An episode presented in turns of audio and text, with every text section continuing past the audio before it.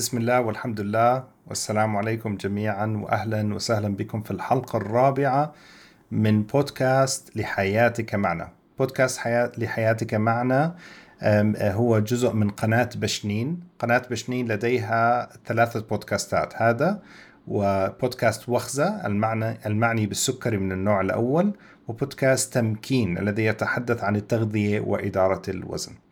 وفي حلقتنا اليوم بدنا نركز على موضوع الغضب لأنه موضوع الغضب مهم جدا في العلاقات وخصوصا العلاقات بين الأزواج. وإحنا آه، نزلنا على الإنستغرام ريل يعني من بضع أيام وكان في عليه تفاعل كثير. يبدو أنه هذا موضوع حساس وبيعانوا منه الناس كثير. الغضب بخليك يعني تفقد السيطرة أحيانا وبيصدر منك سلوكيات قد قد تندم عليها يعني. فاهلا وسهلا دكتوره يعطيك العافية. أهلا فيك. الله يعافيك. أهلا وسهلا فيك. وإذا لاحظت دكتوره أنا لابس أحمر اليوم عشان الموضوع عن الغضب كثير كثير الغضب بدي أثير غضبك. بدنا ما نخلص الحلقة بدي اياك معصبة عشان نشوف شو هو الغضب. طيب كويس عشان نطبقه آه التطبيق نعم. هلا دكتوره ما هو الغضب؟ هل هو الغضب شعور أم هو مثلا أنا إذا مسكت شغلة ورميتها كسرتها ضربت الباب هل هذا هو الغضب ولا ما يحدث في داخلي ولا هي التغييرات الفسيولوجية اللي بتصير على جسمي آه، وإيش هو الغضب؟ اشرحي لنا.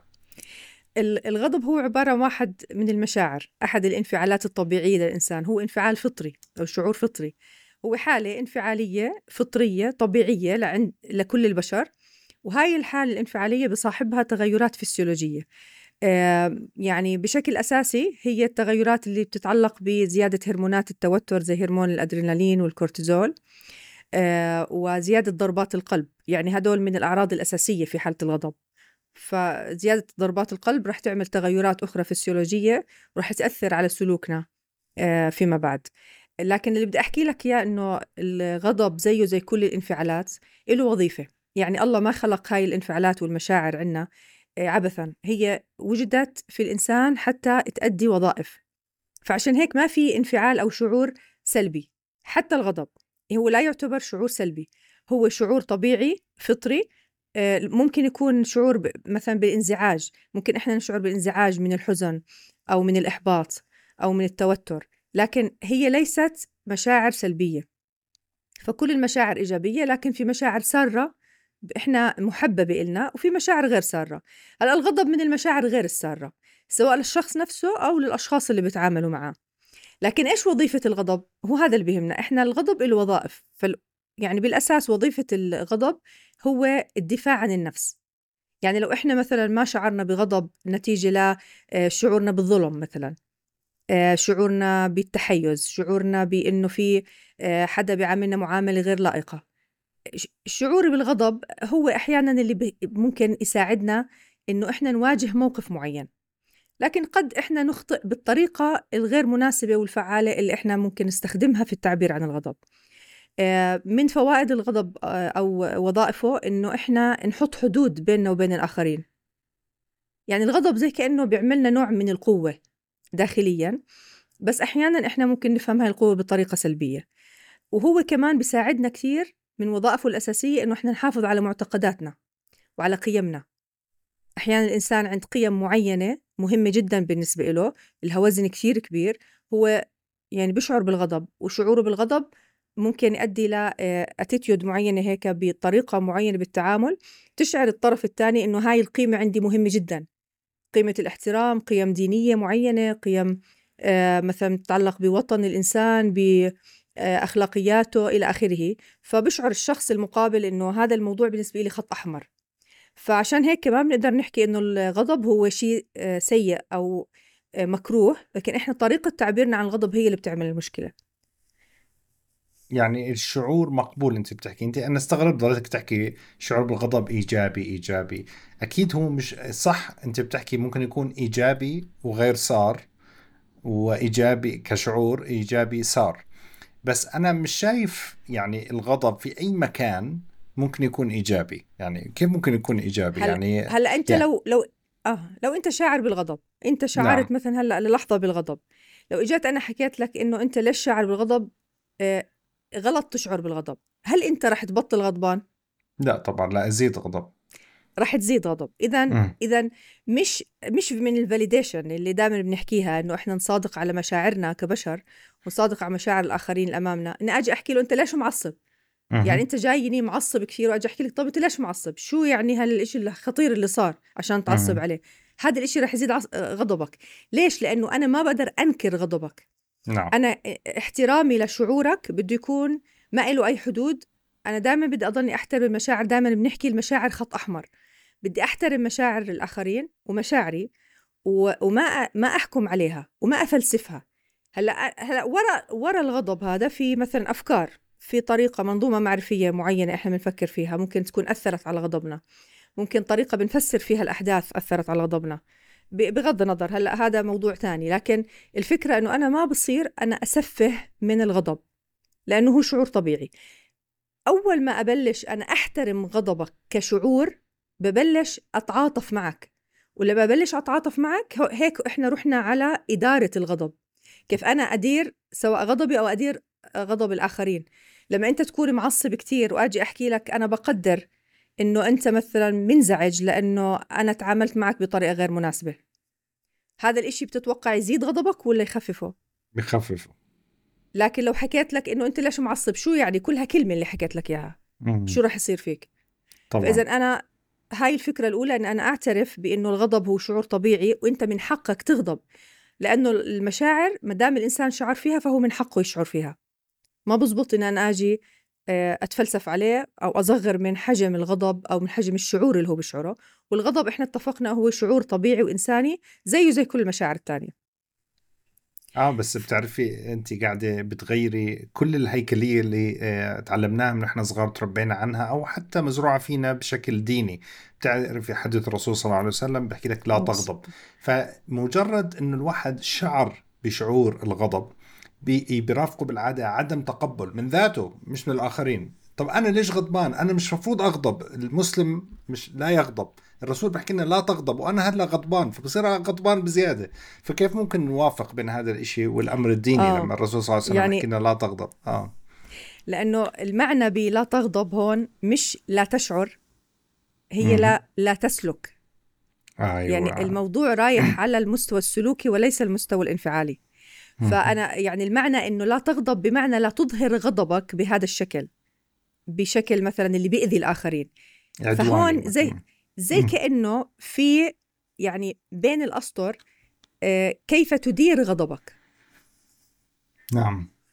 لأنه الرسول صلى الله عليه وسلم لا يمكن يحكي لنا لا مثلا لا تشعر. حتى الحزن الرسول صلى الله عليه وسلم حزن. ومن الطبيعي الإنسان يمر بلحظات فيها حزن أو ضعف أو آه، مثلا غضب. ممكن يصير في عند الإنسان غضب. لكن طبعا التربية الإيمانية بشكل عام لو أخذناها في كتير في ديننا تربية آه، بشكل يعني منظم إنه إحنا نفكر بطريقة نخفف من حدة غضبنا. زي مثلا إنه التمس لأخيك بضع وسبعون عذرة. هاي تربية. يعني أنا لما بكون عندي هاي المبادئ فيها تعاطف فيها إنه فكر شوي ارجع شوي لورا وفكر بالموقف. شوف شو ممكن يكون العذر اللي موجود عند أخوك. آه، عسى أن تكرهوا شيئا وخير لكم. فيها فيها برضه تربية. للمنظومه المعرفية تبعتنا عشان نخفف الغضب. إذا هو الرسول صلى الله عليه وسلم بتعامل معنا بمنظومة معينة تساعدنا إنه الغضب أصلا داخليا يكون أخف. لكن اللي هو مرفوض إنه لو أنا كنت معصبة هذا مش معناه إنه أنا آه، مثلا آه، أحط غضبي عليك أنت أطلعه عليك أوجهه باتجاهك اذيك مثلا اذي مشاعرك. هذا هذا هو الشيء عشان هيك في فرق دائما بنحكي بين الغضب والتعبير عن الغضب. نعم نعم. خلص أنا آه، فصلناهم. الغضب هو شعور وهذا الشعور مقبول وإيجابي دائما. آه، والسلوك هلا هنحكي عنه. بس خلينا نرجع للشعور كيف واحد يعرف إنه هو غضبان بالبداية. هلا مرات في مشاعر أخرى ممكن إنها يعني تتقاطع مع الغضب. زي مثلا الشعور بالانزعاج مثلا. آه واحد مزعوج من إشي بعرفش إذا هذا شعور عندكم بعلم النفس الانزعاج بس هو مزعوج من إشي معين مثلا متضايق من المكان فيه من صوت آه، جنبه من آه، مثلا أولاده بنقوا عليه أي شيء في هل هو هذا غضب ولا ولا لا؟ كيف ممكن أنظر لنفسي أتعلم أتعود أعرف أفهم الفرق بين هذا الشعور وهذا الشعور أو مشاعر أخرى؟ شو مثلا التغييرات الفسيولوجية اللي بتصير بجسمه عشان الواحد آه، يفهم أكثر يعني؟ ممتاز. هو أنت جاوبت السؤال فعليا هو التغيرات الفسيولوجية هي اللي بتعطينا آه، يعني خلينا نحكي وعي بتزيد وعينا بالشعور. هلأ الإنزعاج هو ممكن يصنف كدرجة من درجات الغضب. يعني أنا لما بغضب أنا مش من بدايتها بغضب لدرجة مثلا عشرة من عشرة. إحنا دائما لما بنحكي عن الوعي بالانفعالات بنحكي كيف نفهم الشعور اللي إحنا بنشعر فيه وإيش هو الشعور وكم درجة الشعور. هدول النقطتين مهمات جدا. أنا شو حاسة هلأ؟ ولأي درجة أنا حاسة هذا الشعور؟ فلما أنت بتحكي مثلا أنا شعرت مثلا هيك بالإنزعاج صوت عالي يعني بهاي الطريقة هاي معناها بلش الإنزعاج.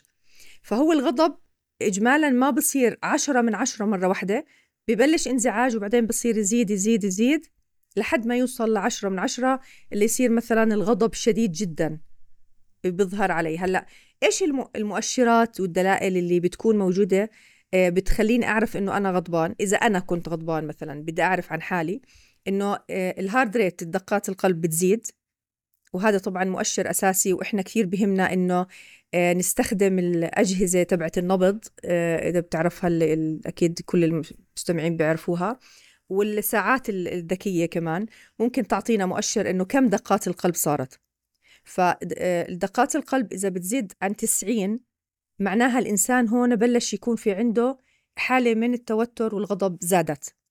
إذا صارت فوق المية بنسميه فيض الانفعال يعني م. الغضب الشديد العارم اللي ممكن يكون له أثر كبير. طبعا هذا آه، بش... آه، لو إحنا بدنا نفكر فيه بطريقة هيك علمية أكثر مش كل الناس مرات في ناس ممكن يوصل ل 90 بشكل طبيعي. يعني طبيعة جسمهم النبض عندهم عالي. وبس مش شرط يكونوا هم مثلا كتير غضبانين هلأ. لكن اجمالا اللي فوق التسعين بالمتوسط بيكون بلش الغضب بيطلع فانا لما بشوف إنه دقات القلب زادت التنا... في في مشكلة بالتنفس عندي صار في ضيق تنفس مثلا أو في سرعة بالتنفس. هذا ممكن يحسسني إنه أنا فعلا زاد عندي الغضب. وجهي بصير أحمر بصير إيدي تتعرق مثلا بصير في عندي شد بعضلاتي. عضلات إيدي ممكن تنشد ممكن أشد على حالي وأنا مش مدرك أو مش منتبه. عضلاتي بشكل عام بجسمي بتصير برضه كمان مشدودة. في في عندي مثلا رغبة في إني أضرب شيء مثلا. يعني زي كأنه بكون في عندي قوة بجسمي بدها تطلع. فزي بكون حاسس إني بدي أخبط شغلة أو أضرب شغلة أو أشد على شيء أمامي. يعني كل هاي ال ال يعني خلينا نحكي الأعراض الفسيولوجية مهمة جدا. درجة الحرارة بتطلع. حتى بالجسم. يعني لو قست درجة الحرارة وأنت معصب بتكون أعلى من الطبيعي.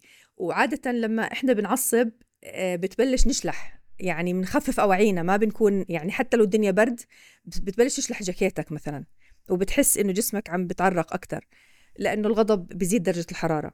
وعشان هيك لما بنحكي عن الاستراتيجيات رح نحكي إنه كيف إن نغير كيميائية الجسم حتى نخفف الغضب. هلأ هذا من من النواحي الدلائل الفسيولوجية اللي أنا ممكن أحس فيها كأعراض. ممكن أحس في شد في معدتي مثلا كمان. فهاي كلها من الأعراض. ممكن أشد على أسناني. آه، لون البشرة بصير أحمر وبصير في طبعا آه، شد في العضلات هاي. بالذات هاي المنطقة. طبعا كلياته هذا مدروس فسيولوجيا في مختبرات حتى يتعرفوا أكثر على موضوع التغيرات الانفعالية وكيف بتأثر على فسيولوجية الجسم. هلأ آه، بصير الوجه هيك زي كأنه ثمانية وبكون في تجاعيد كثير من ناحية سلوكية اللي هي بتظهر علي والناس ممكن تشوفها ممكن مثلا أنا أحكي بصوت عالي كثير طبعا من الأعراض كمان اللي مبينة بتكون بياض العين مبين أكثر لأنه الإنسان بيكون فاتح عينه أكثر فهو معصب بكون هيك شكله فبتكون أنت عارف فبتصير تحكي إنه ها مثلا أبوي بلش يعصب. آه خلص اسكتوا ما حدش يحكي زي كأنه مرات بالبيت بصير في آه طريقة حتى لو بدون قصد إنه الناس بتكون تتعامل مع الشخص العصبي في البيت إنه لما يبلش العصبية تزيد عنده إنه ابعدوا عنه تحكوش معاه لا تزيدوا الغضب عنده. الناس لحالها الناس أذكياء دائما على فكرة كل إنسان أنا بعتبر انه إنسان طبيب نفسه. آه، بيعرف كيف يدير آه، حياته. لو هو عن جد بقصد عن جد هو بيقدر يعرف. فبعدين السلوكات هاي اللي فيها آه، بشوبر بإيده كثير بأشر بإصبعه بضرب بشدة بيكون ممكن يدفش الشخص اللي قدامه. هاي من السلوكات. غير غير طبعا نبرة الصوت اللي بتعلى وبتصير حادة وشديدة. ممكن يستخدم ألفاظ نابية مثلا. ممكن يشتم ويسب بطريقة بالوضع الطبيعي لما يكون هو هادي ما بيعملها.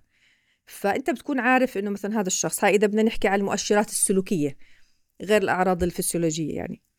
نعم. فالشخص بيكون حاسس حاله. هلأ قديش الدرجة اللي هي دائما أنا ببثلها بس بديش أخوفكم هلأ على الكاميرا. أنا ببثلها مثلا بالجلسات بحكي له مثلا إنه هلأ أنا هيك أنا قديش معصبة. وبعدين بخبط على الطاولة بقوة وبصرخ. أنا قديش هلأ معصبة؟ بيحكوا لي مليون يعني. فإذا كيف بتعرف لما أنت بتشوف الفرق بين هذا الاتيتيود وهذا بتعرف إنه قديش أنت معصب؟ هو اللي بيطلع على شخص غضبان بيعرف فورا إنه غضبان. بس بتعرفي دكتورة آه، يعني في ناس بتعامل معهم عندهم آه، يعني مشكلة إنهم أي شعور في داخلهم بيظهر على وجههم بشعور الغضب. يعني زي ما قلنا بتطلع وجه واحد غضبان بتعرفه. ممكن يكون هو يشعر بالوحدة أو الإحباط مثلا. آه فبس هذا الشعور اللي بداخله اللي ظهر على وجهه الغضب. فهل هذا ممكن؟ يعني بتعرفي دائما كنا نسمع بعلم النفس إنه الغضب مش شعور أولي هو شعور ثانوي. وبالعاده ثانوي. في مسبب له من المشاعر الأخرى. هل هذا صحيح ولا لا؟ صحيح صحيح. الغضب آه. عادة بيكون في وراءه وهذا هو إذا بدنا نصير نتعلم كيف نقرأ. يعني إحنا لما بنقرأ بنقرأ الأحرف المبينة عنا. بس لما نبلش نقرأ ما وراء السطور وما بين السطور بنبلش نعرف إنه هذا الشخص المعصب في وراه شعور ثاني. هو الشعور الغضب قاعد بخدم الشعور الأساسي أو بغطيه هو مش عارف يعبر عنه. يعني لو إجا هو حكى مثلا هذا الإشي بصير كثير مثلا بامتحانات التوجيهي على سبيل المثال بيكون طالب التوجيهي خايف كثير بس ما بده يظهر إنه الخوف لأنه والقلق عبارة عن ضعف أنا ما بدي أظهر ضعفي أمام أهلي. فهو ما بده يظهر إنه هو خايف فبس شو بكون يعمل؟ بيكون يحكي مع أهله بنفترة وبعصبية وبغضب دايما. هذا الإنسان اللي بيغضب كثير هو إنسان من جوا في كثير عنده مشاعر غير مصرح عنها يمكن هو نفسه مش فاهمها. هو نفسه حتى مش فاهمها مش بس إنه الناس مش عر... ما بده يحكيها للناس فالكبت يعني أحد الأسباب الرئيسية والعوامل اللي بتخلي الإنسان يضله يغضب كثير فعشان هيك فهمنا للشعور الأساسي اللي هو يمكن ما يكون الغضب أصل الغضب هو عبارة عن شيء بنغلف فيه الشعور. هو شعور بس اللي مبين من برا يعني. آه، زي مثلا الرجل لما يكون هو خايف على مستقبل أولاده. ومثلا الوضع المادي عنده شوي هيك تكركب وبطل في عنده دخل كافي ل إنه يصرف على أبنائه. فبيكون فايت على البيت معصب وطالع معصب وكل ما حد يحكي معه شيء بعصب عليهم. شو بفكروا الأولاد والزوجة؟ إنهم هو إنه هو مثلا ما بحبهم. إنه هو بعصب عليهم كثير. يمكن الزوجة تصير تحكي أبصر شايف له شوفي برا أبصر بتحجج بده يعمل شغل. ببلشوا يفكروا بافتراضات تانية ما لهاش دخل بالواقع. بالأساس هو قلقه وخوفه أو مثلا شعوره بإنه هو مش قادر يلبي حاجاتهم هو اللي بخليه يعصب. نفس الشيء الزوجة يمكن مثلا آه، تكون هي آه، مبسوطة كثير إنها طبخت طبخة زاكية وبدها تطعميها لأولادها وجوزها وهيك وبعدين تنحرق الطبخة. فهي شعرت بالإحباط وشعرت إنها هي ما أبسطت عيلتها بهاي الطبخة اللي كانت بدها تبسطهم فبتبلش تعصب. فممكن يحكوا لها أنت فوق ما حرقت الطبخة وكمان معصبة علينا. ليش؟ لأنهم ما فهموش ما وراء السطور. ولما الزوجة كمان ما تفهمش زوجها ليش معصب برضه ما فهمتش ما وراء السطور. إحنا هذا اللي بدنا نبلش نقرأه إنه في حاجة عنا ما تلبت أو في عنا شعور مخفي أنا مش عارف أعبر عنه. فهمت عليك. فيعني أنا معلش إذا بدي ألخص بس بكلماتي. إنه الشعور بالغضب ممكن يكون له أسباب كثيرة بس هدول الأسباب ممكن تكون بيئية بمعنى أحداث صارت معه بحياته خارجة عن نفسه. وممكن تكون أشياء داخلية مشاعره هو يعني أفكاره هو كيف بفكر أو الانسكيورتيز اللي عنده مشاكله النفسية اتسترا فممكن تكون داخلية. وممكن تكون آه شو اسمه بيولوجية يعني شيء ملوش علاقة هو فيه زي مثلا آه هرمونات المرأة مم. وقت الدورة الشهرية مثلا مهم. نعرف مم. هذا هذه فترة الغضب إنه يعني إيش ما بتحكي قول ماشي فمثلا آه، ممكن يكون آه، مشكلة بكيميائية يعني في الدماغ مثلا بتحتاج أدوية آه، أمراض معينة أو بسبب أدوية معينة فيعني هل هذا صحيح؟ هذا التصنيف صحيح؟ بيئية صح- خارجية صحيح. داخلية أو م- م- كيميائية هرمونية؟ مزبوط صحيح. ممكن ممكن يكونوا أحيانا بيتفاعلوا كلهم مع بعض. مم. يعني هم كلهم بيتداخلوا مع بعض. بس أكيد في أسباب بيولوجية مرتبطة بالاتزان الهرموني بالجسم ومرتبطة مثلا بالدي إن اي الوراثة. كمان مم. الشخصية الموروثة كيف إحنا إحنا بنورث شخصيات معينة يعني هي بتكون طبيعة آه، جهازنا العصبي يستثار بسرعة. ف... فممكن يكون هذا من الأسباب البيولوجية خلينا نحكي. وممكن يكون السبب هو آه، طريقة التعامل اللي بيتعاملها الإنسان. مثلا إذا بتعامل شخص بطريقة فيها ازدراء أو احتقار أو تكبر أو آه، ظلم إلى آخره فهذا الشخص بده يشعر ب... بال برضه بالغضب. هلأ في أسباب تانية مرتبطة بالتفسير الطريقة اللي بنفكر فيها تفسيرنا للأمور. أكيد إحنا إذا بنضخم الأمور مثلا إذا إحنا بنفسر الأمور على كيفنا وبنعتبر إنه كل شيء بنفكر فيه هو صح فأنا لما بفترض أنت عملت هيك لأنه نيتك سيئة لأنه أنت بدك تأذيني أكيد هذا رح يخليني دائما أشعر بالغضب. لأنه أنا شايفة إنه أنت ما يعني عم بتحاول تسيء لي. فكثير مهم التفكير. مثلا في ناس عندهم ال overthinking هذا بيفكروا كثير يعني بي- بيفترضوا افتراض وبصيروا يبنوا عليه يبنوا عليه ويكبروه وضخموه أكثر وأكثر وأكثر فهذا الإشي بيزيد الغضب عندهم. مع إنه أنت بتكون في وادي والشخص الثاني اللي أنت معصب عليه بوادي ثاني يمكن أصلا ما لهوش دخل مش معزوم على كل اللي أنت بتفكر فيه. أيوه. الحمد لله على نعمة الأدوية في أدوية في أدوية بتساعدنا آه، نخفف من الغضب إحنا بنعرف في أدوية بتخلينا نقلل من هاي الأفكار بس هل في إشي بخفف من الغضب؟ هو هو أكيد ما أنت لما تخفف الأفكار رح يخف الغضب مثلا مم. هاي شغلة والات... لما يكون في أدوية بتعمل اتزان هرموني برضه بخفف الغضب مم. لما يكون في آه، أدوية بتعمل آه، تهدئة للأعصاب برضه بخفف الغضب صحيح أيوة. آه لا صحيح في أدوية نفسية لكن إحنا مرات بنحكي إذا ما كان في داعي والطبيب حكى لك إنه ما في داعي تأخذ أدوية. خلينا نشوف شو في استراتيجيات تانية بعيدا عن الأدوية.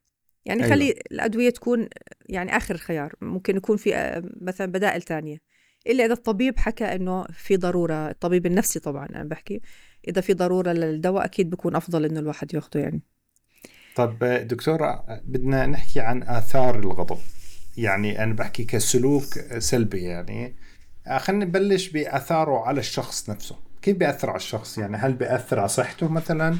هل بيأثر على قدرته على اتخاذ القرار؟ ما أكيد بيأثر بس يعني نفصل بهذا الموضوع أكثر. بعدين نحكي كيف أثروا على زوجته أولاده أو العلاقات الأخرى.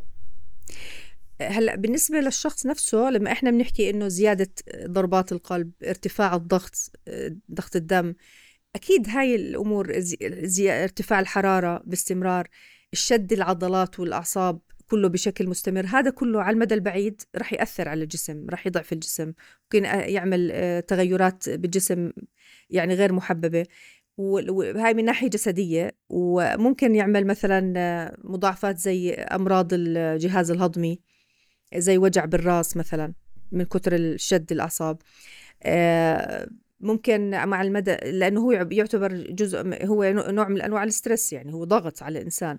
فممكن يعمل زي كل ما دائما بنحكي عن مثلا المشاكل اللي بتصير لنتائج ال stress. آه، قديش في مشاكل ممكن تكون عصبية ممكن تكون تأثر على البصر على الحواس بشكل عام على الذاكرة. آه، مثلا ذاكرتنا بتبل بتبطل كثير قوية زي أول ممكن تضعف بعض القدرات اللي مرتبطة بالذاكرة. ممكن إدراكنا للأمور يختلف فبتقل حكمتنا. ممكن آه، قراراتنا آه، تكون مش فعالة لأنه إحنا بنتخذها بشكل آه، عاطفي انفعالي يعني وليس بشكل متوازن أو حكيم. فعلى المدى القريب والبعيد أكيد الغضب رح يكون له أثر سلبي علينا. هلأ الغضب بيعمل شغلة آه، إنه بزيد لوم الذات. يعني عادة الإنسان اللي بيغضب وبيوجه سلوكه للآخرين بيزيد لومه لذاته إنه هو أذى الآخرين. لأنه إحنا آه، طرق التعامل الإنسان عن غضبه آه، عادة شو بتكون إما بتكون موجه الغضب نحو الآخرين يعني للخارج أو موجه الغضب للداخل فإذا كان موجه. للخارج فأنا آه، بدي مثلا أسيء للآخرين بدي أتصرف بعدوانية بعنف ممكن أستخدم النقد اللوم السخرية التهكم ممكن أستخدم أساليب يعني فيها حتى ضرب وإهانات وشتم إلى آخره مع الناس. هلأ هذا إذا بدي أو يعني أنا آه، أخلي الغضب متوجه نحو الخارج. بهاي الحالة أكيد داخليا أنا راح أشعر باللوم لذاتي إنه ليش أنا عملت هيك؟ ليش أذيت فلان؟ ليش سمعت هذا الإنسان هاي الكلمة؟ ليش خليت فلان يبكي مني؟ داخليا هو ما راح يكون مرتاح.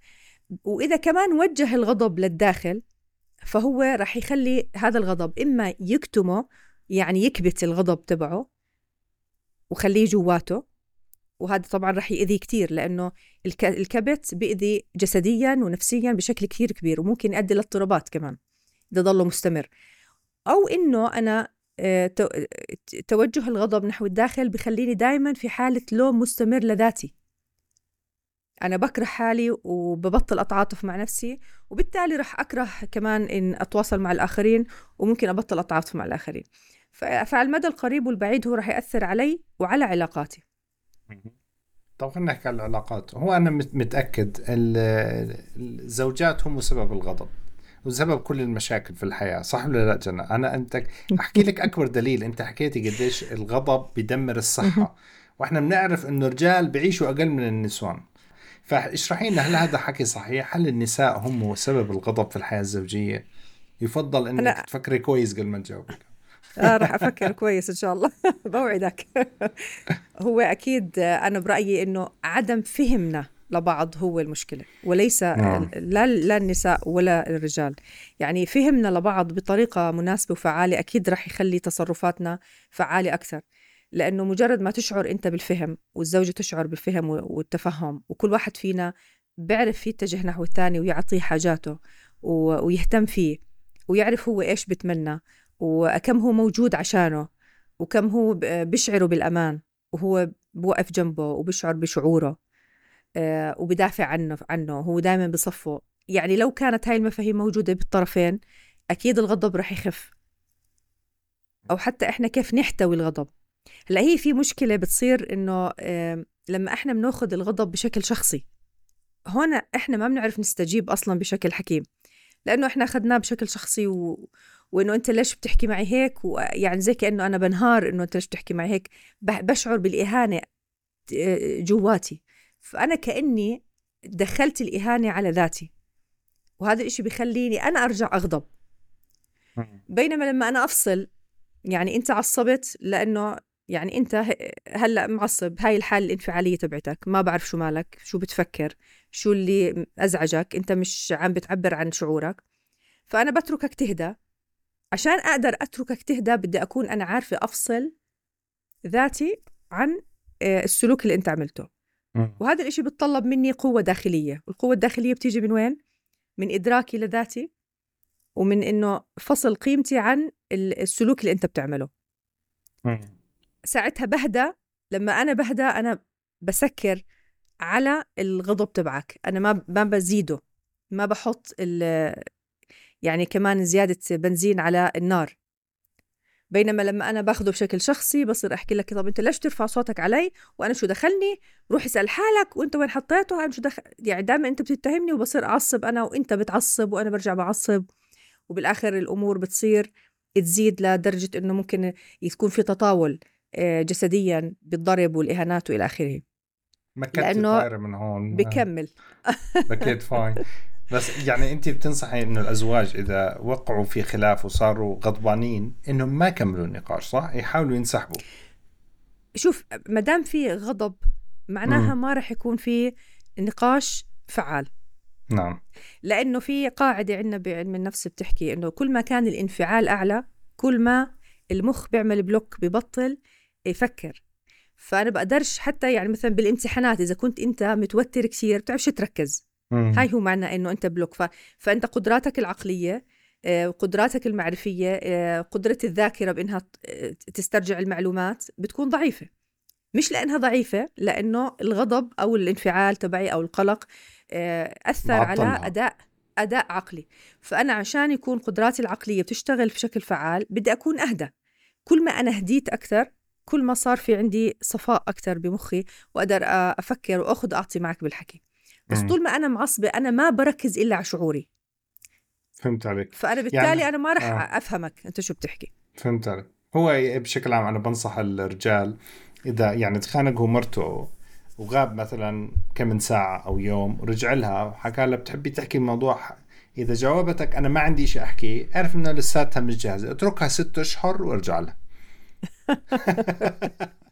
هو هو ال- فعليا أنت هيك ذكرتني بشغلة هو بين آه. الأزواج يفضل بين 20 دقيقة ل 24 ساعة آه. مش أكثر من 24 ومش ليش أقل مش من أكثر 20 من 24 هاي هاي بالدراسات اللي درسوها آه. آه. مخبريا إنه هاي أفضل وقت لأنه أكثر من 24 بخلي المشكلة اللي كانت أصلا عاملة تريجر لل... للشعور هذا الغضب والإنزعاج آه، تضلها موجودة وتنكبت وتصير عبارة عن ملف مفتوح وأعمال غير منتهية جواتي فهمت تضلها. تعمل تريجر بأشياء تانية بمجالات أخرى بالحياة وما تشوف غير فجأة الواحد عصب بس مش عارف ليش أيوة أيوة يعني. فعشان هيك إحنا بدنا نحل أصلا نحاول يعني مش نحل بمعنى الحل إنه لأنه مش كل المشاكل على فكرة بتنحل يعني عشان مم. نكون عارفين الناس بس إحنا على الأقل بدنا نكون عارفين نتعامل مع الأمور اللي بتصير حتى إحنا نخفف من أثرها مش نزيدها أحسن ما يضل التريجر هذا موجود دائما يعني بعد ال 24 ساعة بدنا نقعد مع بعض ونناقش الموضوع وكل واحد فينا يحكي إيش مسؤوليته مثلا إيه شو اللي صار معاه شو كان شاعر شو كانت حاجته إلى آخره يعني يعبر عن نفسه أكثر والطرف الثاني مطلوب منه يفهم يفهمه ويسمعه. فهمت عليك. بتعرفي يا جنى مشكلة في ناس بيغضبوا بسرعة وبيرجعوا بيروقوا بسرعة. وبس في مم. ناس بيستمر معهم شعور بالغضب لأيام وأسابيع. أنا ب- بحكي يمكن يكون في آه، يعني خلينا نحكي mental disorder عندهم آخر هو اللي بخليهم مش قادرين يطلعوا من هذا الإشي اللي فيه. يعني أنا شفت ناس عن جد أسابيع جنى بشكل مستمر هم غضبانين. بشكل مستمر يعني ما راق يوم يعني مر أسبوعين كاملين ما راقش يوم واحد. مرته طالعة برا البيت مثلا وهو أسبوعين متواصل وهو غضبان. هل هذا دليل على مشكلة أخرى أكثر يعني آه، نحكي صراحة هذا آه يعني هاي آه. أكيد أكيد الموضوع هنا يعني هذا شيء غير عادي بالنسبة مم. للتعامل مع الانفعالات القوية الانفعالات عادة إلها مدة بترجع بتهدى. هذا طبيعة الجسم لكن إذا كان الإنسان آه، بشكل مستمر هو آه، يعني بشعر بالغضب أو الإنزعاج لدرجة كبيرة معناها إنه في مشكلة عنده ممكن تكون مشكلة عصبية بيولوجية آه، هرمونية وممكن يكون هو الأوفر ثينكينج تبعه إنه ما بوقف مخه أبدا ما بيعرف يسيطر على تفكيره ما بيعرف يفهم شو بفكر أو يفهم مشاعره يعني في أسباب كثير لكن ممكن تجتمع أحيانا مجموعة من الأسباب والعوامل وتخلي الموضوع أصعب بإنه الواحد يدير انفعالاته فتخيل. أنت كم كم هذا كم هذا يعني الموضوع آه، يعني في تحدي كبير على الإنسان إنه تضل ال amygdala. عنده شغالة طول ما هو مم. شاعر بالغضب وال state تبعت العقل بتكون رايحه بالاتجاه تبع بسميه ال alarm هيك إنه. زي كأنه في alarm جوات مخك ضل يرن.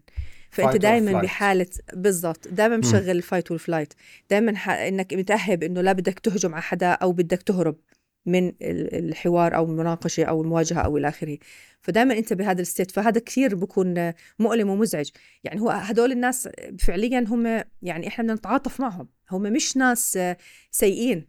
بالعكس هم ناس يعني محتاجين دعم محتاجين حدا يفهمهم محتاجين حدا يعني يتقبلهم يشعروا بالأمان معاه. يمكن هم مش شاعرين بالأمان مع حالهم يمكن هم كرهانين حالهم.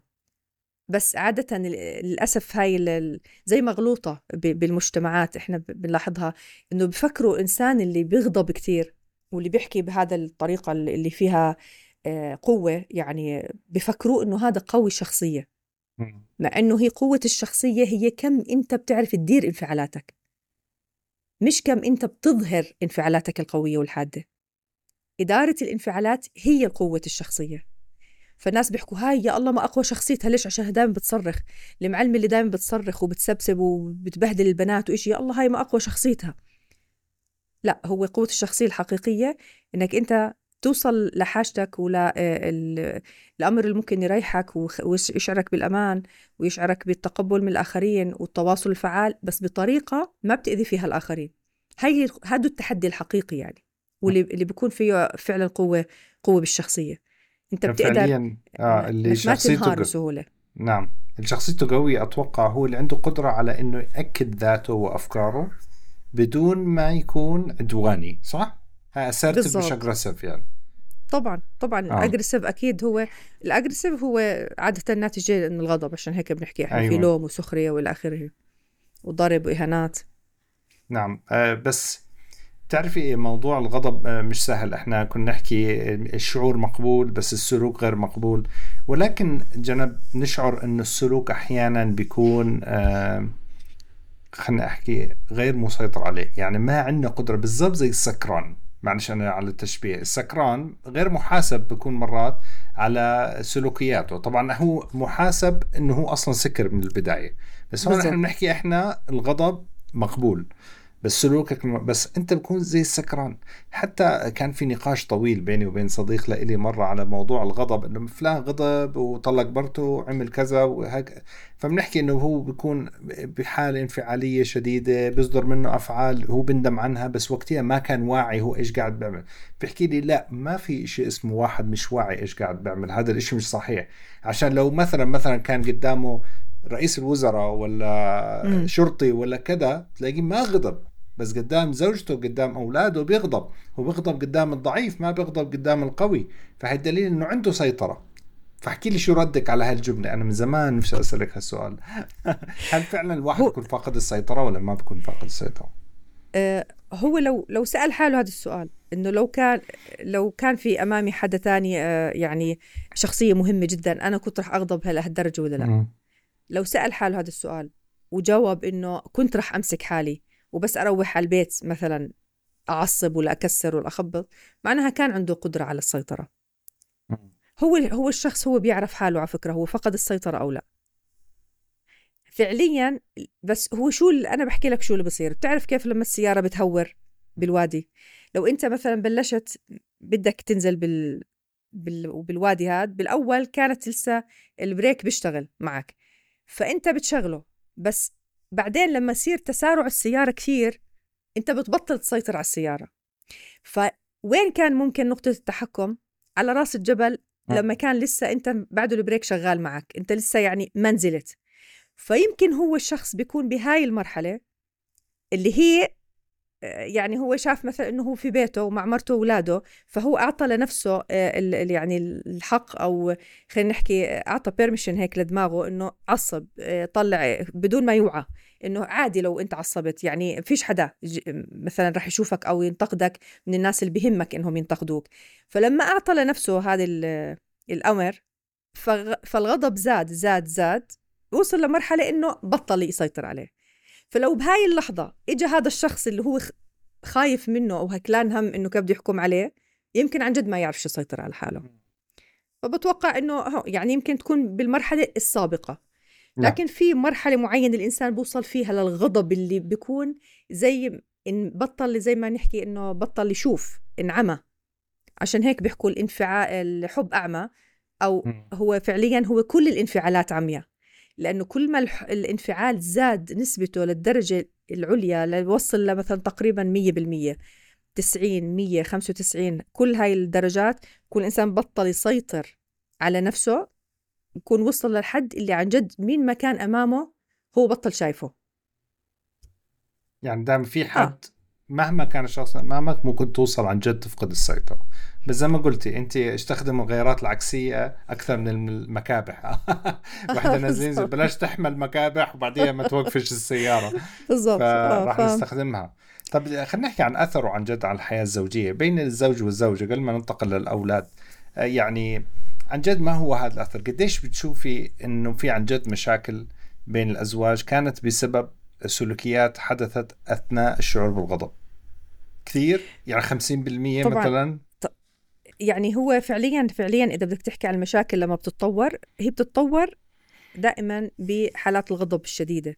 أو ح- حتى حالات غضب بينت تبين بلشت تبين لأنه الشخص ال- المقابل بشعر إنه آه، يعني شريك حياتي مثلا بكرهني مش متقبلني لما يبلش يشوف هالغضب. هاي شغلة. الشغلة الثانية إنه في زي نوع من التجاهل لحاجات بعض. فالتجاهل للحاجة بكون مزعج جدا فبسوي إحباط والإحباط بصير يتراكم. فإحباط على إحباط على إحباط بالآخر الشخص بصير أي نكشة صغيرة شغلة بسيطة جدا عن جد ممكن تكون هي نفس الموضوع مش هو اللي عامل له كل هاي المشكلة.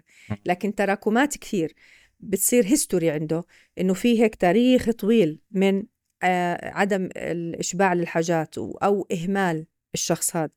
لدرجة إنه الشخص بصير يشعر إنه أنا مش موجود. أنا مش متشاف مش متشاف يعني أنا ما حدش شايفني. أنا يعني زي كأني مش موجودة بحياتك. أو الزلمة ممكن يحكي مثلا أنا أجر كرسي بالبيت. هدول الكلمات يعني بالنسبة لنا إحنا نعتبرهم كلمات يعني ريد فلاج وبن وبنحط يعني إيدنا على وجع فيهم وبنحاول نشوف ونحفر ليش بيحكي هاي الكلمة. وشو بتعني له هاي الكلمة؟ من وين إجت؟ وشو العمق تبعها جواته؟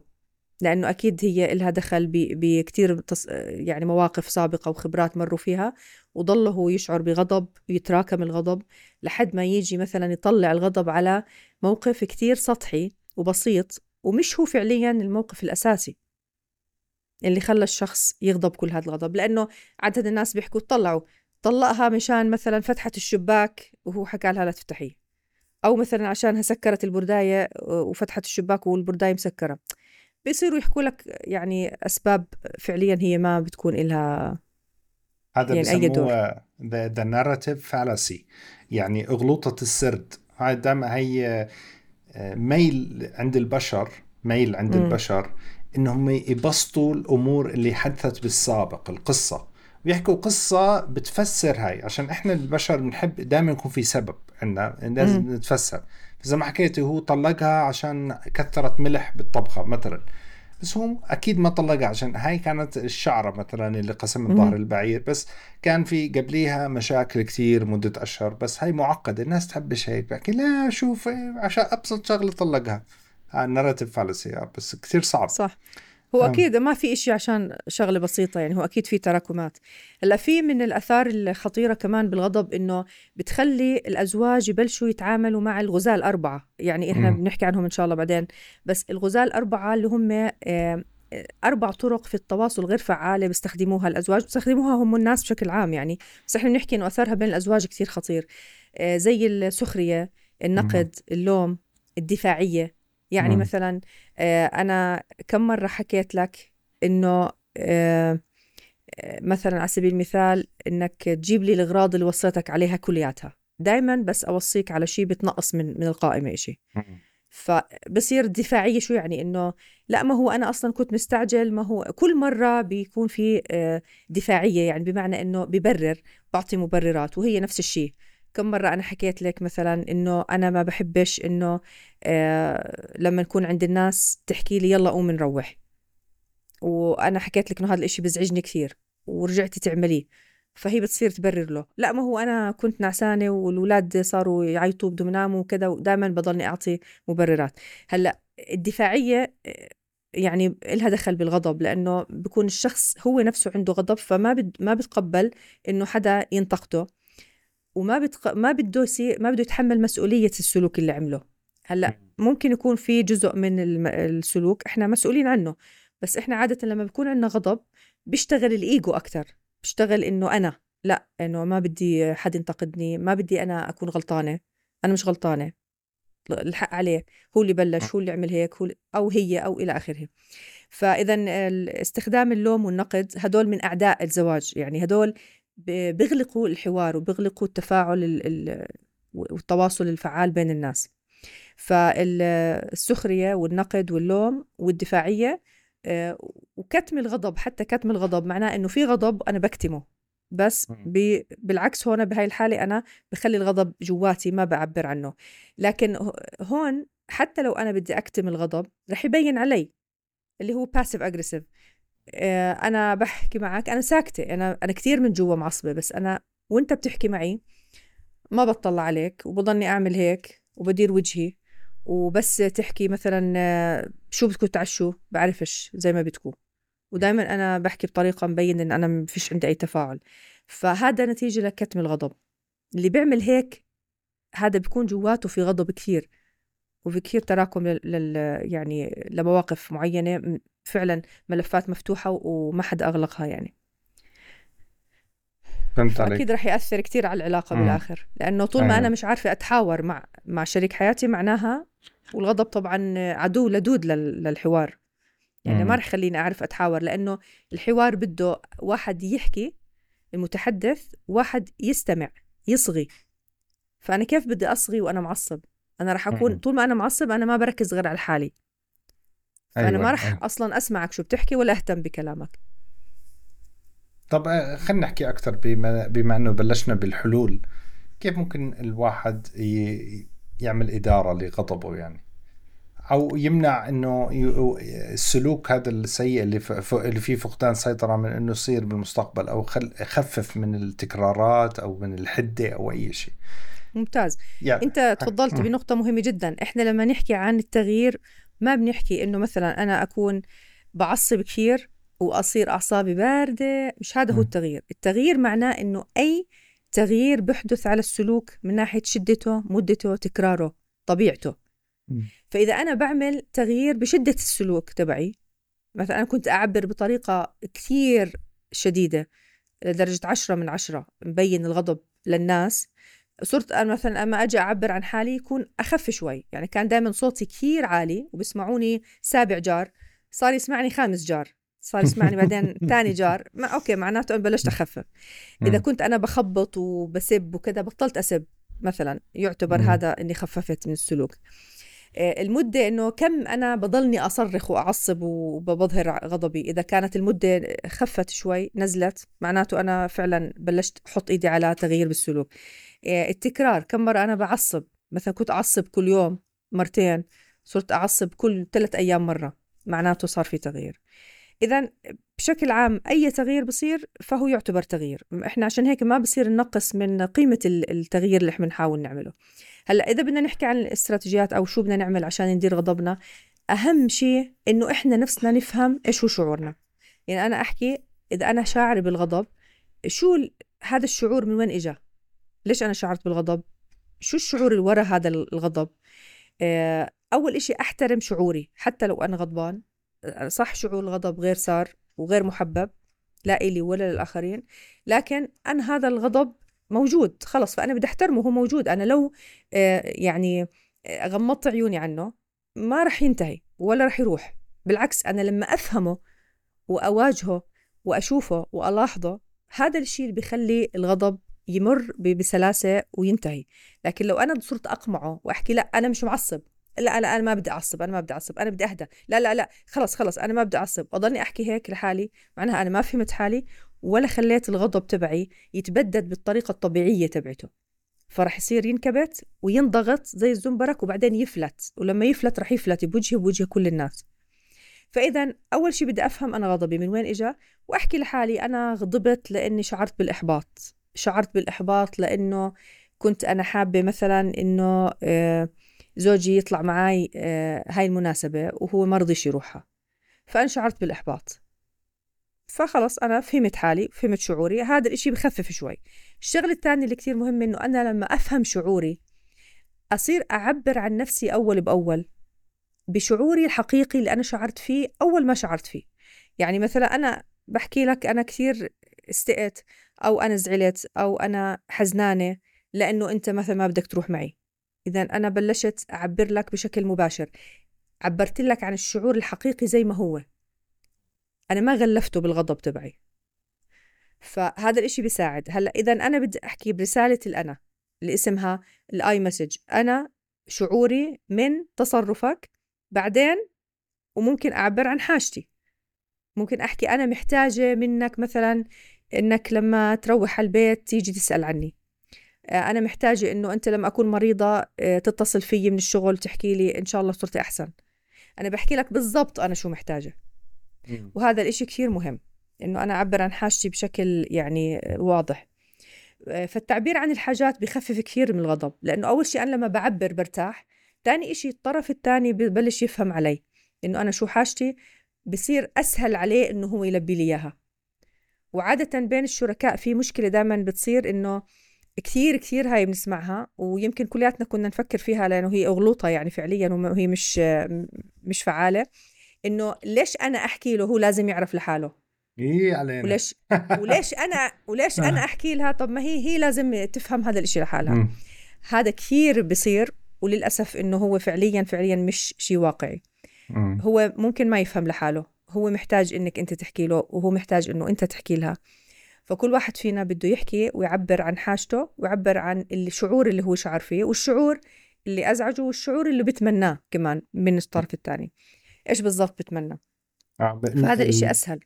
آه، لما واحد يعبر عن حاجاته والشخص الثاني ما يلبي حاجاته آه، بزيد من الغضب عنده. يعني فوق ما أنا حكيت لك مش كم مرة قلت لك أنا ما بحب لما تتصرف بهذا التصرف. فبزيد. فهنا مشكلة مع إنه يعني هي زي ما نحكي هاي بداية الطريق. بداية الطريق نعبر عن حاجات نحكي له أنا هذا الإشي ما بحبني. أنا ما بحب مثلا إنك تطلعي من البيت بدون إذني. ما تبعتي لي تحكي إنك طالعه بالبيت هي بتحكي له أنا ما بحب لما تطلع من شغلك وتروح على مكان مشوار ثاني وما تحكي لي. أو توصل على البيت بدون ما تخبرني إنك جاي على الطريق.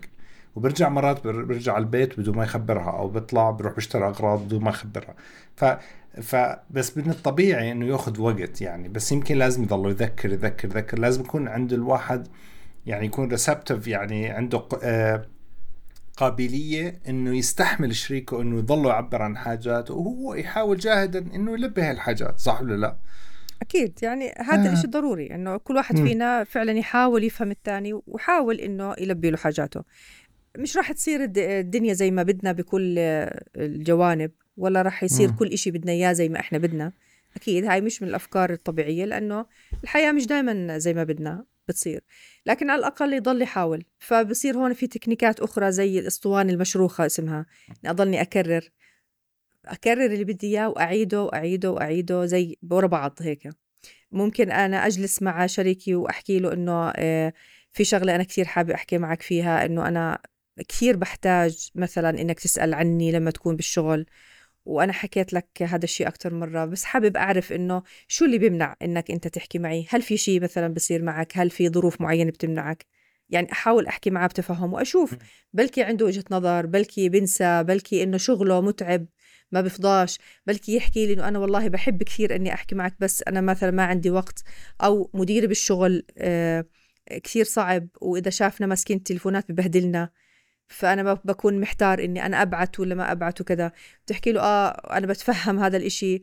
معناها إنه في صعوبة إنك أنت تبعت لي خلص. أنت حتى لو ما بعت لي أنا متفهم إنه صار في عندك ظرف زي هيك. آه، طيب شو رأيك مثلا إنك آه، وإنت مروح آه، تبعت لي؟ أو أو مثلا إذا مثلا صار معك أي إشي بصدفة إن حتى لو بعت لي كلمة معينة أو رسمة أو قلب حب أو أي إشي زي هيك. أعطيته زي كأنه صار في نوع من التسوية. يعني مع النقاش بنوصل لشيء بالنص بيناتنا اللي هو التسوية. إنه لو ما زبط ال- الطريقة هاي اللي أنا بطلبها ممكن يزبط إشي تاني بدالها. فهذا هاي من الأمور اللي يعني فيها تفهم. فمرة على مرة يعني إلا ما يصير في تغيير. ودائما نحن نحكي يعني لو صار التغيير حتى لو بأجزاء لو حتى اتأخر المهم إنه إحنا نضلنا نحاول يعني. يعني التسوية إيموجي صفت بالنهاية.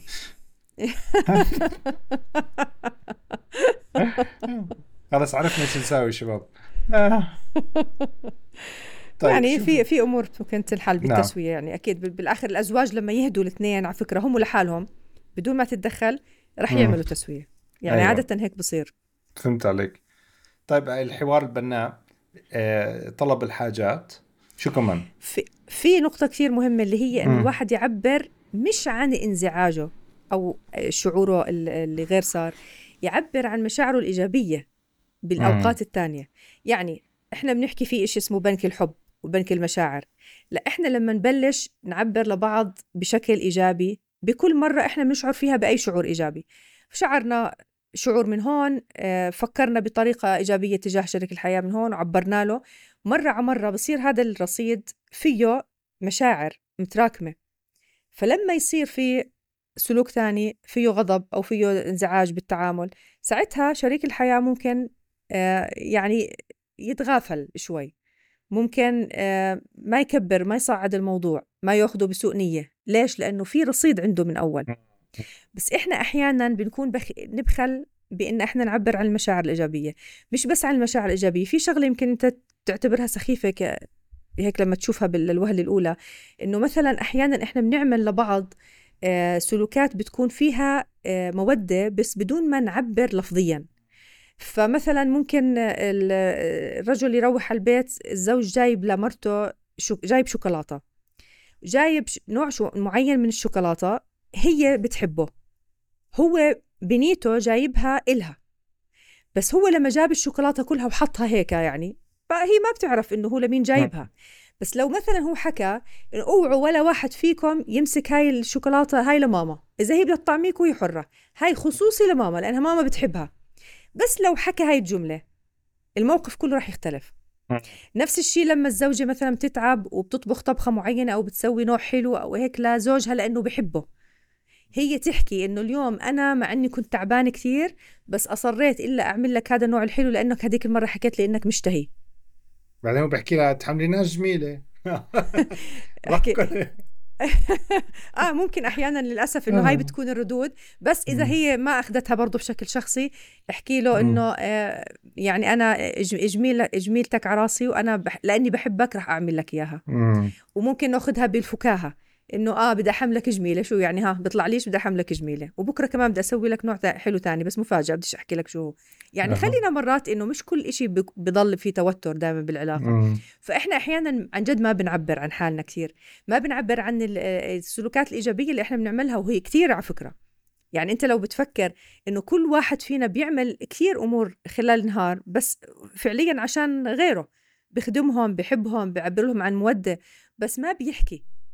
فلما إحنا ما بنعبر لفظيا الشخص الثاني ما بيكون فاهم إنه إله. وحتى لو أنت اليوم حكيت لي أنت بتهتي علي ولا بتحملين جميلة بس ضليتني مصرة إني أنا أكرر السلوك. هو بالآخر رح يعرف ويسكت لحاله إنه ما رح يحكي لي هاي الجملة. رح يحكي لي المرة الجاي شكرا. والمرة اللي وراها يحكي الله يخلي لي إياكي. والمرة اللي وراها يحكي إحنا ما بنسواش شيء بدونك. صح؟ تكرار بعلم الشطار. مع مع المدة مع المدة رح تختلف استجابته يعني.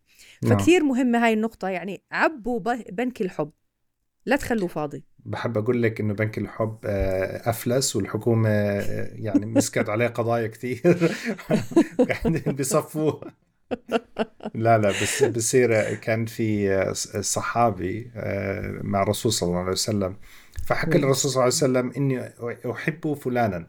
فايش جواب الرسول صلى الله عليه وسلم قال له أعلمته يعني خبرته؟ قال له لا قال له فأعلمه. بس شوف كلمتين. فراح حكى راح حكى للصحابي الثاني إني أحبك في الله. قال له أحبك الله. بس خلصت. ممتاز. ممتاز يعني بالضبط. آه. إذا إذا أحب أحدكم أخاه فليخبره أنه أحبه. يعني هاي الفكرة اللي حتى نعم. الرسول صلى الله عليه وسلم لما كان يعطي آه، التعليمات يعني لما حكى لمعاذ آه، سيدنا معاذ حكى له والله يا معاذ إني أحبك. يعني بمعنى الحديث عشان ما نكون غلطنا فيه. آه، يا معاذ سم الله وكل بيمينك وكل مما يليك يعني م. بلش بالبداية إنه بعبر له عن حبه وحط إيده على كتفه م. فيعني لما يكون في تصرفات زي هاي بصير في نوع من الثقة والأمان بالعلاقة فلو نعم. حدا لو حدا احكى لك لو يعني اجى واحد حتى حكى معك ب attitude شوي في عصبية ولا آه، مش مريح الطرف الثاني ما بيكون ما بيزعل كثير منه لأنه عارف إنه هذا الإشي صار يعني اليوم بشكل استثنائي. آه، يمكن في إشي مزعجه يمكن هو تعبان. لأنه واحد من العوامل الأساسية ترى بالغضب أحيانا بتكون فسيولوجية بمعنى أنه أنا ممكن أكون تعبانة مريضة مش نايمة كويس مش شاربة مي كويس خلال اليوم كافي. فإحنا أحيانا هاي العوامل اللي فيها يعني آه، ما فيها رعاية ذاتية من ناحية صحية بتأثر علينا وممكن خلينا نغضب. صح. ف... فساعتها آه, آه، بدي أركز على هاي النقطة عندما بحكيها. إن في ناس بتعرفي لما ما يأكلوا بيعصبوا. وهو طبعا كل البشر بتعصب لما تأكل بس بدرجات متفاوتة. حتى عندنا بعلم التغذية بسموها hangry angry و hungry مع بعض. hangry آه ف بس الفرق في ناس بكون هو واعي إنه هو معصب عشانه جوعان. عشان هو في يصير في تغييرات فسيولوجية بالجسم. الهدف منها إنها تحثك على البحث عن الطعام. صح. يعني هذا الشعور بالانزعاج ضروري. هو بالضبط زي الشعور بالانزعاج من حبس البول مثلا. يعني إذا أنت بدك تروح على الحمام ما بتقدر. لازم آخر شيء تروح على الحمام. طبعا. آه فنفس الشيء الأكل. الجسم قاعد بيقول لك روح جيب أكل روح جيب أكل روح جيب أكل كل. فالناس مشكلة بيكون عندهم قناعات مرات غريبة مرات مش مبنية على دليل علمي يعني بقول لك لا لازم صيام متقطع لازم أبصر شو يا زلمة أنت ما ب... أنت رح تتطلق يا زلمة سيبك من الصيام المتقطع كل كلك شغلة. أو يعني آه، في آه، مثل مشهور لبروسلي إذا بتعرفيه. هذا آه، هو تبع التايكوندو كونغ فو والقصص هاي.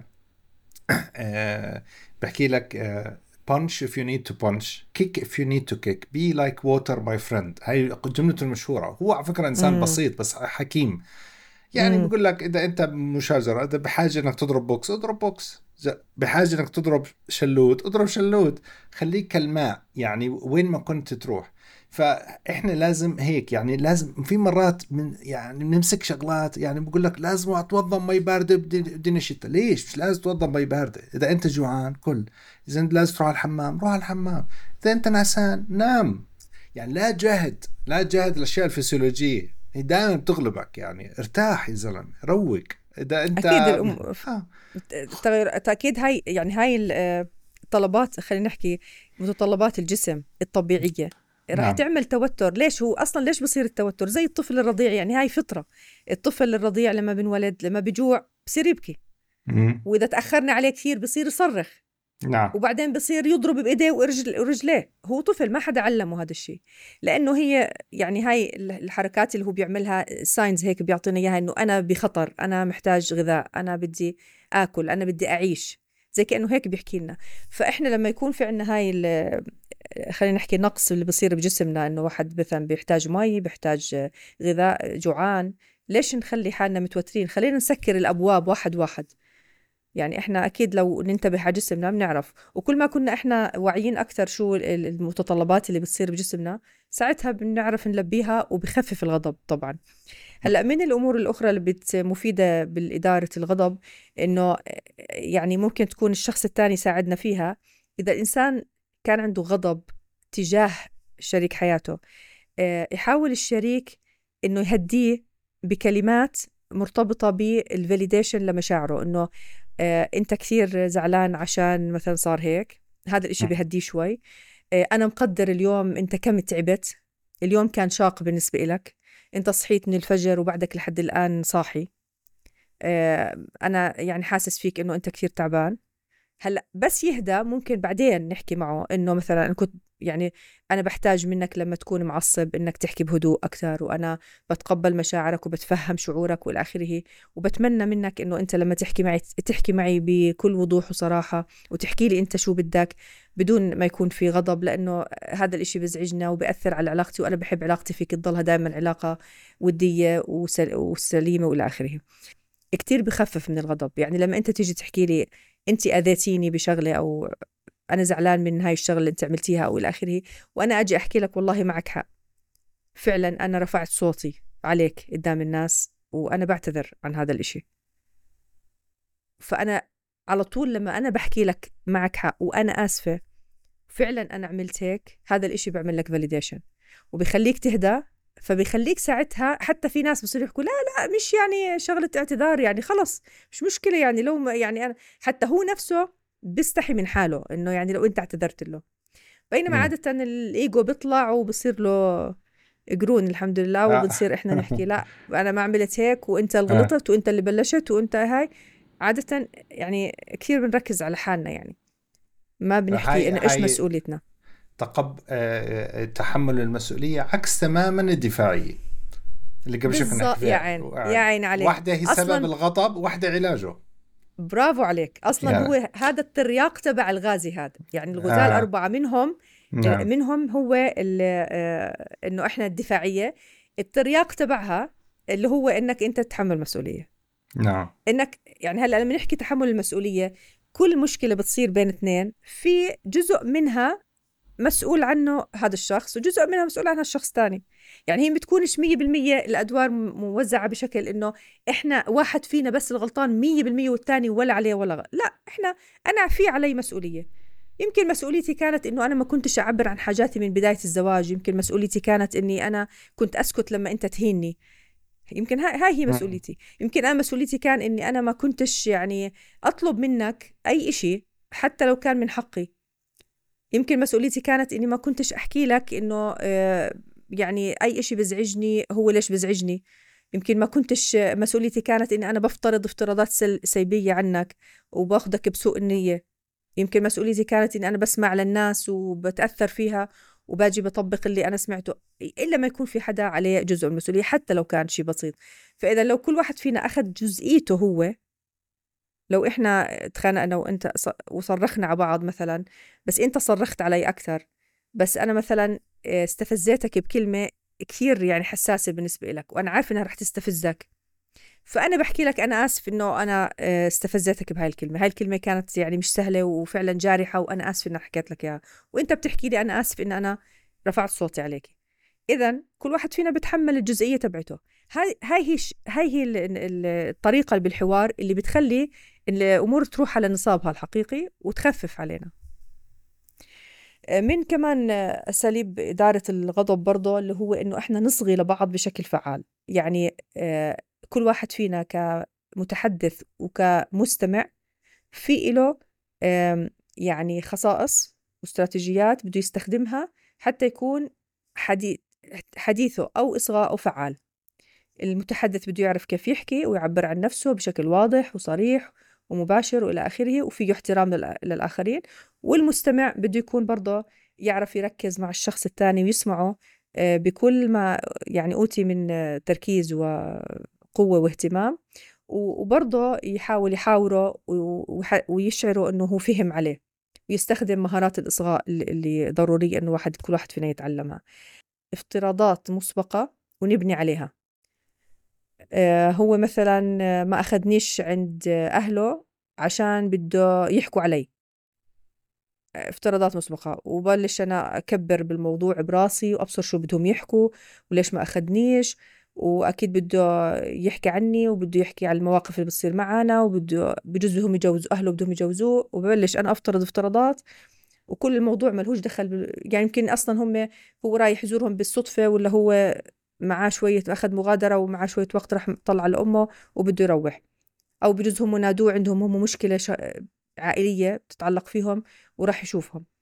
الموضوع ممكن يكون كثير مختلف. فالافتراضات بتخلينا يزيد الغضب عندنا. فأنا بدل ما أفترض بدي أحاول إني أنا أفكر بطريقة يعني بناء على المعطيات اللي عندي. وإذا كان في عندي أي شيء بيساورني بذهني إني أنا أحكي مع عنه بطريقة مباشرة. آه وأسأل أحسن. عنه. أحسنتي جنى أنا لاحظتها هاي الشغلة كثير. في ناس ما بتفرق بين الظن والحقيقة. مم. هو بيحكي أنا بظن إنه ما بيحكي أنا بظن نعمل هيك. هو زي ما حكيت هو راح عند أهله ما أخذني عشان هيك. فأنت ممكن تسأليها مثلا أنت بتعتقدي ذلك ولا بتظني ذلك؟ تحكي لك زي ما أنا شايفك. زي ما أنا شايفك. برافو. أيوه بالضبط. بدهم بدهم ديفيوجن يعني. بدهم طريقة إنه نف... نحاول نوعيهم إنه هل بكرة راح تشتي؟ راح تنطر. صح, صح. فبس طبعا. هذا يعني إذا أيوة. هي بالزبط. أيوه. إذا إجت حكت له.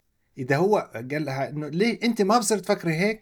أنت شو رأيك فيي وبأهلي؟ أنت بتنظري لنا نظرة سوء. زي كأنه سكر الباب أمامها من أنها تعبر عن شعورها. اللي كان بهدوء عبرته هي. فالمرة الجاية مش رح تعبر. رح تعتقد الإشي اللي قبالها وتضلها ماشية فيه. وتبني إشي فوق إشي فوق إشي وبصير بعدين وحش كبير. بثور عليه. آه طبعا. بالضبط. آه. هاي هاي مشكلة الافتراضات إنه بصير فيها تطور بال overthinking تبعي وبزيد الغضب جواتي والشخص الثاني يمكن مش معزوم زي ما حكينا ولا له دخل بالموضوع ولا فاهم أنت ليش هيك ليش وصل لهي الدرجة يعني. فلا تخلي غضبك هو اللي يحكي عنك. يعني بكون اكل يعني 300 بوكس براسها ولساتهم ما حكوا. بالضبط. هلأ في استراتيجيات برضه ممكن تساعدنا بإدارة الغضب إنه إحنا زي ما حكينا إنه فسيولوجية الجسم بتتغير بالغضب فإحنا بدنا نتعامل مع هاي التغيرات الفسيولوجية. إذا زيادة دقات القلب ممكن إحنا ناخذ نفس عميق نغسل وجهنا بمي باردة آه، نمسك تلجة مثلا نحط التلجة على وجهنا هذا بيساعد كثير. بعدين ممكن نمشي على شريكك الثلج. آه. بتخفف غضب إحنا إحنا بنرمي على الشريك الوردة. دائما آه، نرميش الثلج طيب. بنمشي مثلا نلعب رياضة آه، بنحكي مع صديق عزيز علينا ممكن يفهمنا آه، حكيم ممكن يساعدنا بكل هاي يعني التجاوز لهاي مثلا المحنة اللي إحنا فيها أو الطريقة اللي إحنا بنفكر فيها أو الموقف اللي بنكون فيه. شرب المي طبعا ضروري كثير النوم ضروري. حكينا كل الأسباب الفسيولوجية اللي بتساعد أو بتزيد هاي المشكلة. يعني هاي بتكون ضروري إنه إحنا ناخدها بعين الاعتبار. آه، مراقبة ال heart rates مثلا ما يشوف إنه بلش يزيد فأنا هون بلش عم بتصاعد الغضب عندي. أبلش من هون أسيطر عشان ما تتهور السيارة زي ما حكينا إنه نحاول إنه إحنا نسيطر من البداية. إنه ناخذ نفس عميق نهدى آه، نترك المكان اللي إحنا فيه. آه، ترك المكان كثير بيساعد يعني. والوضعية تغيير وضعية الجسم إن نتحرك آه، نمشي إذا كنا نايمين نجلس مثلا. يعني هاي الأمور اللي الطبيعية اللي بالعادة الناس بيستخدموها. في أسلوب مهم اللي هو تأجيل استجابتنا. إذا أنا في مطلوب من استجابة معينة ما أستجيب هلأ فورا أأجلها شوي. أبعد عن الموقف يعني. لأنه لما أبعد رح أهدى شوي. رح أفكر. ما ببعد عن الموقف بفكر فيه بطريقة تانية.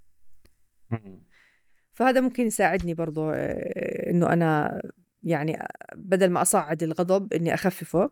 وموضوع ال validation سواء أنا بعمل validation لمشاعري وبح وبشعر إنه أنا من حقي أشعر ومعلش أنا غضبانة هلأ بمر بغضب والغضب شعور طبيعي وممكن يصير. والغضب في وراه شعور تاني إلى آخره أحاول أفهم حالي هاي ك validation وإني أنا كمان أعمل فاليديشن للشخص الأمامي هاي اللي حكيناها قبل شوي كثير مهمة إنه أنا أحاول أفهم شو الحاجة اللي هذا الشخص بيعبر عنها. هلأ أنا في نقطة بحكيها دائما للأزواج آه يعني كثير بتأثر فيهم. لما الزوج والزوجة يشوفوا إنه مثلا شريك الحياة أمامي عم بيغضب وعم بيحكي بغضب وبصوت عالي وزعلان كثير ومنفعل. معناها إنه هذا الشريك في حاجة وراه ورا غضبه. فهاي الحاجة بما إنه بده إياها من شريك حياته معناها شريك حياته مهم بالنسبة له عادة إحنا ما بنطلب حاجاتنا إلا من الناس المهمين. الناس اللي ما بيهمونا أو ما بنعرفهم أو ناس بعاد ما بنطلب من منهم حاجات.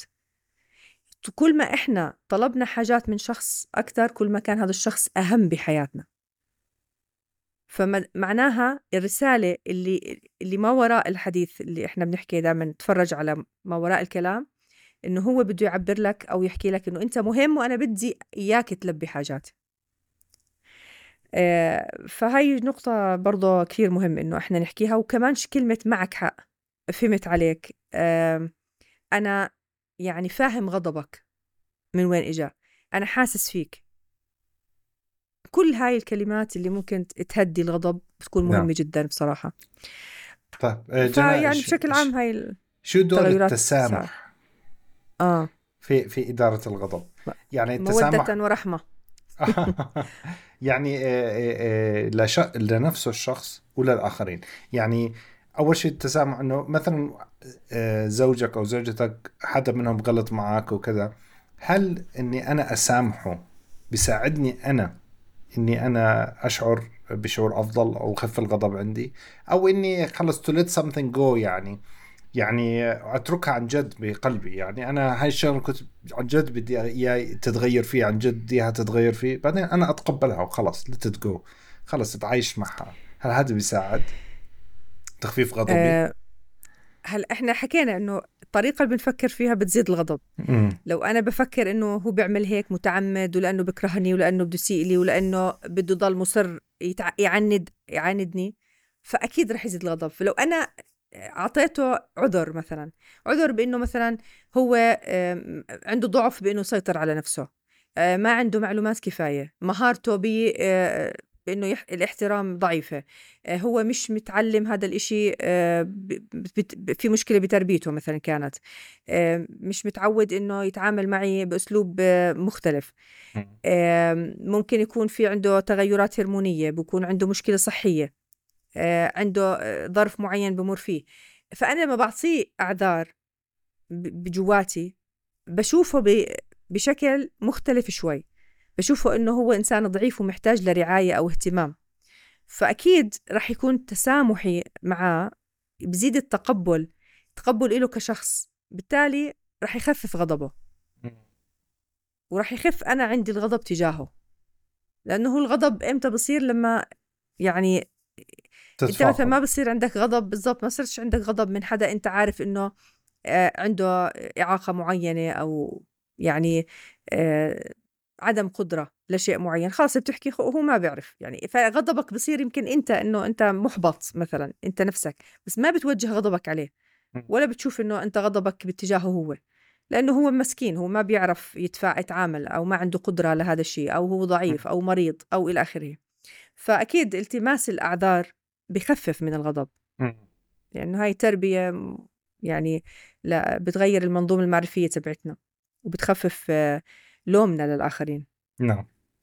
طب جرى العلاج النفسي يعني بنحكي سي بي تي دي بي تي شغلات زي هيك هل هي فعالة لأنه مساعدة الشخص نخفف من نوبات الغضب أو حدتها أو تكرارها؟ أكيد إحنا زي ما حكينا إنه طريقة التفكير بتأثر على المشاعر وبتأثر على السلوك. فلو أنا مثلا بلشت آه، إذا بمنهج ال CBT أتعرف أكثر وأكتشف إيش هي أفكاري وكيف أفكاري ومعتقداتي عم بتأثر على مشاعري وسلوكاتي. فرح أصير أعرف آه، يعني إيش أثرها بحياتي وكيف ممكن إني أنا آه، أبلش أشك فيها إنها هي مش عم مش فعالة هاي الفكرة. فبلش أغير آه، درجة اقتناعي فيها. بالتالي أنا رح ممكن أتبنى فكرة جديدة بهذا العلاج والفكرة هاي تكون فعالة أكثر وتكون وظيفتها أفضل بحياتي. فراح يتغير شعوري. يعني زي ما بحكي أنا مثلا إنسان فاشل أنا ما إليش قيمة أنا ما إليش أهمية بالحياة. هاي الفكرة ممكن لو بلشت أعرف شو أثرها علي. وبعدين صرت أشك فيها إنه لا أنا مش إنسان فاشل لأنه في عندي أدلة بتدل إنه أنا مثلا ناجح بجوانب معينة. فأنا مش إني فاشل أنا يمكن أكون فشلت. مثلا رسبت بالتوجيهي ولا أنا مثلا فشلت بالمشروع اللي دخلت فيه أو إلى آخره. لكن أنا في عندي جوانب تانية أنا ناجح فيها فأنا مش فاشل بس أنا يمكن أكون فشلت في جانب معين. فالجملة هاي اختلافها فتبنيت أنا جملة جديدة فكرة جديدة عن ذاتي أكيد رح تغير الشعور عندي فبالتالي رح يتغير كمان السلوك طبعا. ممتاز ممتاز. طيب أتوقع إحنا غطينا الموضوع بشكل ممتاز. إذا في أي معلومة بتحب تحكيها في الختام؟ هو في آه، مثلا ناس بيحبوا يستخدموا آه، الأمور اللي بتتعلق آه، بالدين أو العبادات أو الروحانيات. م. مثلا ممكن يتفقوا مع نفسهم إنه أنا إذا غضبت أستغفر أصلي على النبي أقرأ قرآن أتوضأ أصلي. يعني كل واحد بيستخدم الأسلوب اللي بده إياه إذا بدنا ناخذ الجانب الروحاني كمان بيساعد كثير. ممكن أنا أحتسب أمري لله. يمكن في ناس بيحكوا لما أنا بحكي حسبي الله ونعم الوكيل مثلا بهدى وبرتاح. لما أنا بتذكر حكمة الله عز وجل بتذكر إنه مثلا أنا مصاب بابتلاء خليني أعتبره هذا ابتلاء وراح أخذ فيه أجر وراح أصبر عليه. تغيير المنظومة المعرفية المرتبطة بفهمنا للدين وعقيدتنا أكيد بيأثر كمان وبخفف الغضب إن شاء الله. إن شاء الله. الله جزاك الله يبعد. عنا المشاكل ويهدينا جميعا لأفضل الطرق والأساليب. للتعامل إن شاء الله يا رب. شكرا كثير دكتورة لوقتك ويعطيك ألف عافية. الله يعافيك يا رب. شكرا السلام عليكم. وعليكم السلام.